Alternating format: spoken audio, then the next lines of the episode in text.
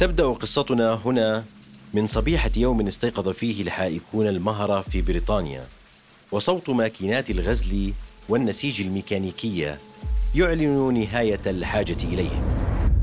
الآلات لا تأكل ولا تنام إنها أسرع وأكثر كفاءة وأقل تكلفة كما أنها لا تحتاج إلى العطل والإجازات. يتابع جومبريتش القصة في كتابه مختصر تاريخ العالم. إن النتائج كانت أسوأ بكثير. لقد أصبح كل مئة حائك بلا عمل بسبب آلة واحدة تقوم بعملهم. والإنسان سيفعل كل ما يستطيع حتى لا يرى عائلته تتضور جوعا. وعليه يقوم صاحب المصنع وبكل ما يملك من آلات باستدعاء المئة حائك المتضورين جوعا. قائلا لهم أحتاج إلى خمسة أشخاص فقط. لإدارة مصنعي والاعتناء بآلاتي ماذا تريدون مقابل ذلك؟ يقول أحدهم أنا أريد الكثير. إن أردت أن أحيا برغد كما في السابق. ويقول التالي أنا أريد ما يكفي لشراء خبز وكيلو من البطاطس يوميا. أما الثالث وقد رأى فرصة الحياة بدأت تتبخر. فيقول سأحاول أن أعيش بنصف رغيف. أربعة آخرون يقولون عندها ونحن كذلك. حسنا حسنا ذلك يكفينا. سيقول صاحب المصنع سأوظفكم أنتم الخمسة. كم ساعة يمكنكم العمل يوميا؟ يقول الأول لاثنتي عشرة ساعة. ويقول الثاني ست عشرة ساعة. ويصرخ الثالث أكثر. ويرد صاحب المصنع ولكن من سيرعى آلاتي أثناء نومك؟ فيقول أخي الصغير مقابل القليل من القروش ليشتري بها بعض الخبز والزبدة ولكن ما الذي حدث مع من تبقى؟ اقتحموا المصانع وحطموا النول الآلي مما اضطر بريطانيا بعدها إلى إقرار عقوبة الإعدام بتهمة تحطيم الآلة قد يتساءل من يستمع إلي الآن ولكن هل جئت بي إلى هنا كي تسمعني قصة الفقر الأوروبي؟ ماذا عن قصة الفقر العربي آنذاك؟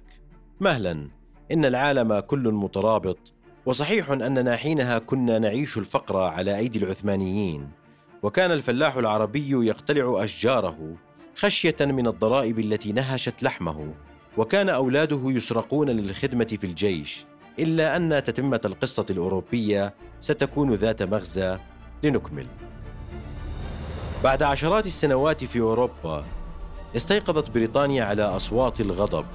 الخبز الخبز. وجد السادة الحل وخاطبوا جمهورهم. إن كنتم تريدون الخبز حقا وتجنب الحرب الأهلية معنا فلدينا صفقة نبرمها معكم.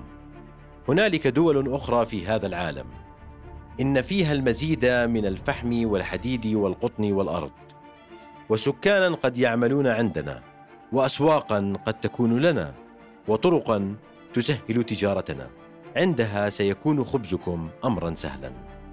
انظر الآن إلى صورة الفقر في عصر الصناعة من أعلى من منظار أوسع من صورة أحياء لندن ومانشستر. هنا تحتل بريطانيا اليمن للسيطرة على مداخل البحر الأحمر. وهنا تدخل بريطانيا إلى أرض القطن. هنا مصر والنيل وقناة السويس. في بغداد يسكن وقود المستقبل. في فلسطين حيفا عتبة البحر. جنوبا في السودان ينمو الزرع أكثر.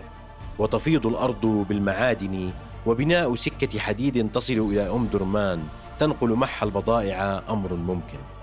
شرقا أبعد كانت الصين تزدري البضائع الأوروبية. تقتحم بريطانيا البلاد وتجبرها على فتح الموانئ عنوة.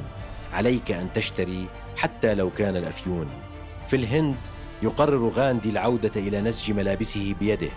لا لشيء إلا لأنه ليس حائكا بريطانيا. وأن تلبس قطنك في لباس مستورد لا يعني إلا فقرك. على سكة مماثلة تسير جيوش فرنسا إلى الجزائر أرض المرجان والشمال الإفريقي. وإلى سوريا قلب الشرق الذي بدأ يتمزق تحفر أكثر في إفريقيا وتشحن البشر مع المعادن والبضائع. إن قصة الفقر في عصر الصناعة تشبه كثيرا قصة الاستعمار فيه. يمكنك من الآن فتح لائحة اتهام خاصة بك لهؤلاء المسؤولين عن قصة الفقر في العالم لا تغفل اللائحة إلى هذا الحد فثمة قصص أخرى ترافقت أيضا مع زمن الاستقلال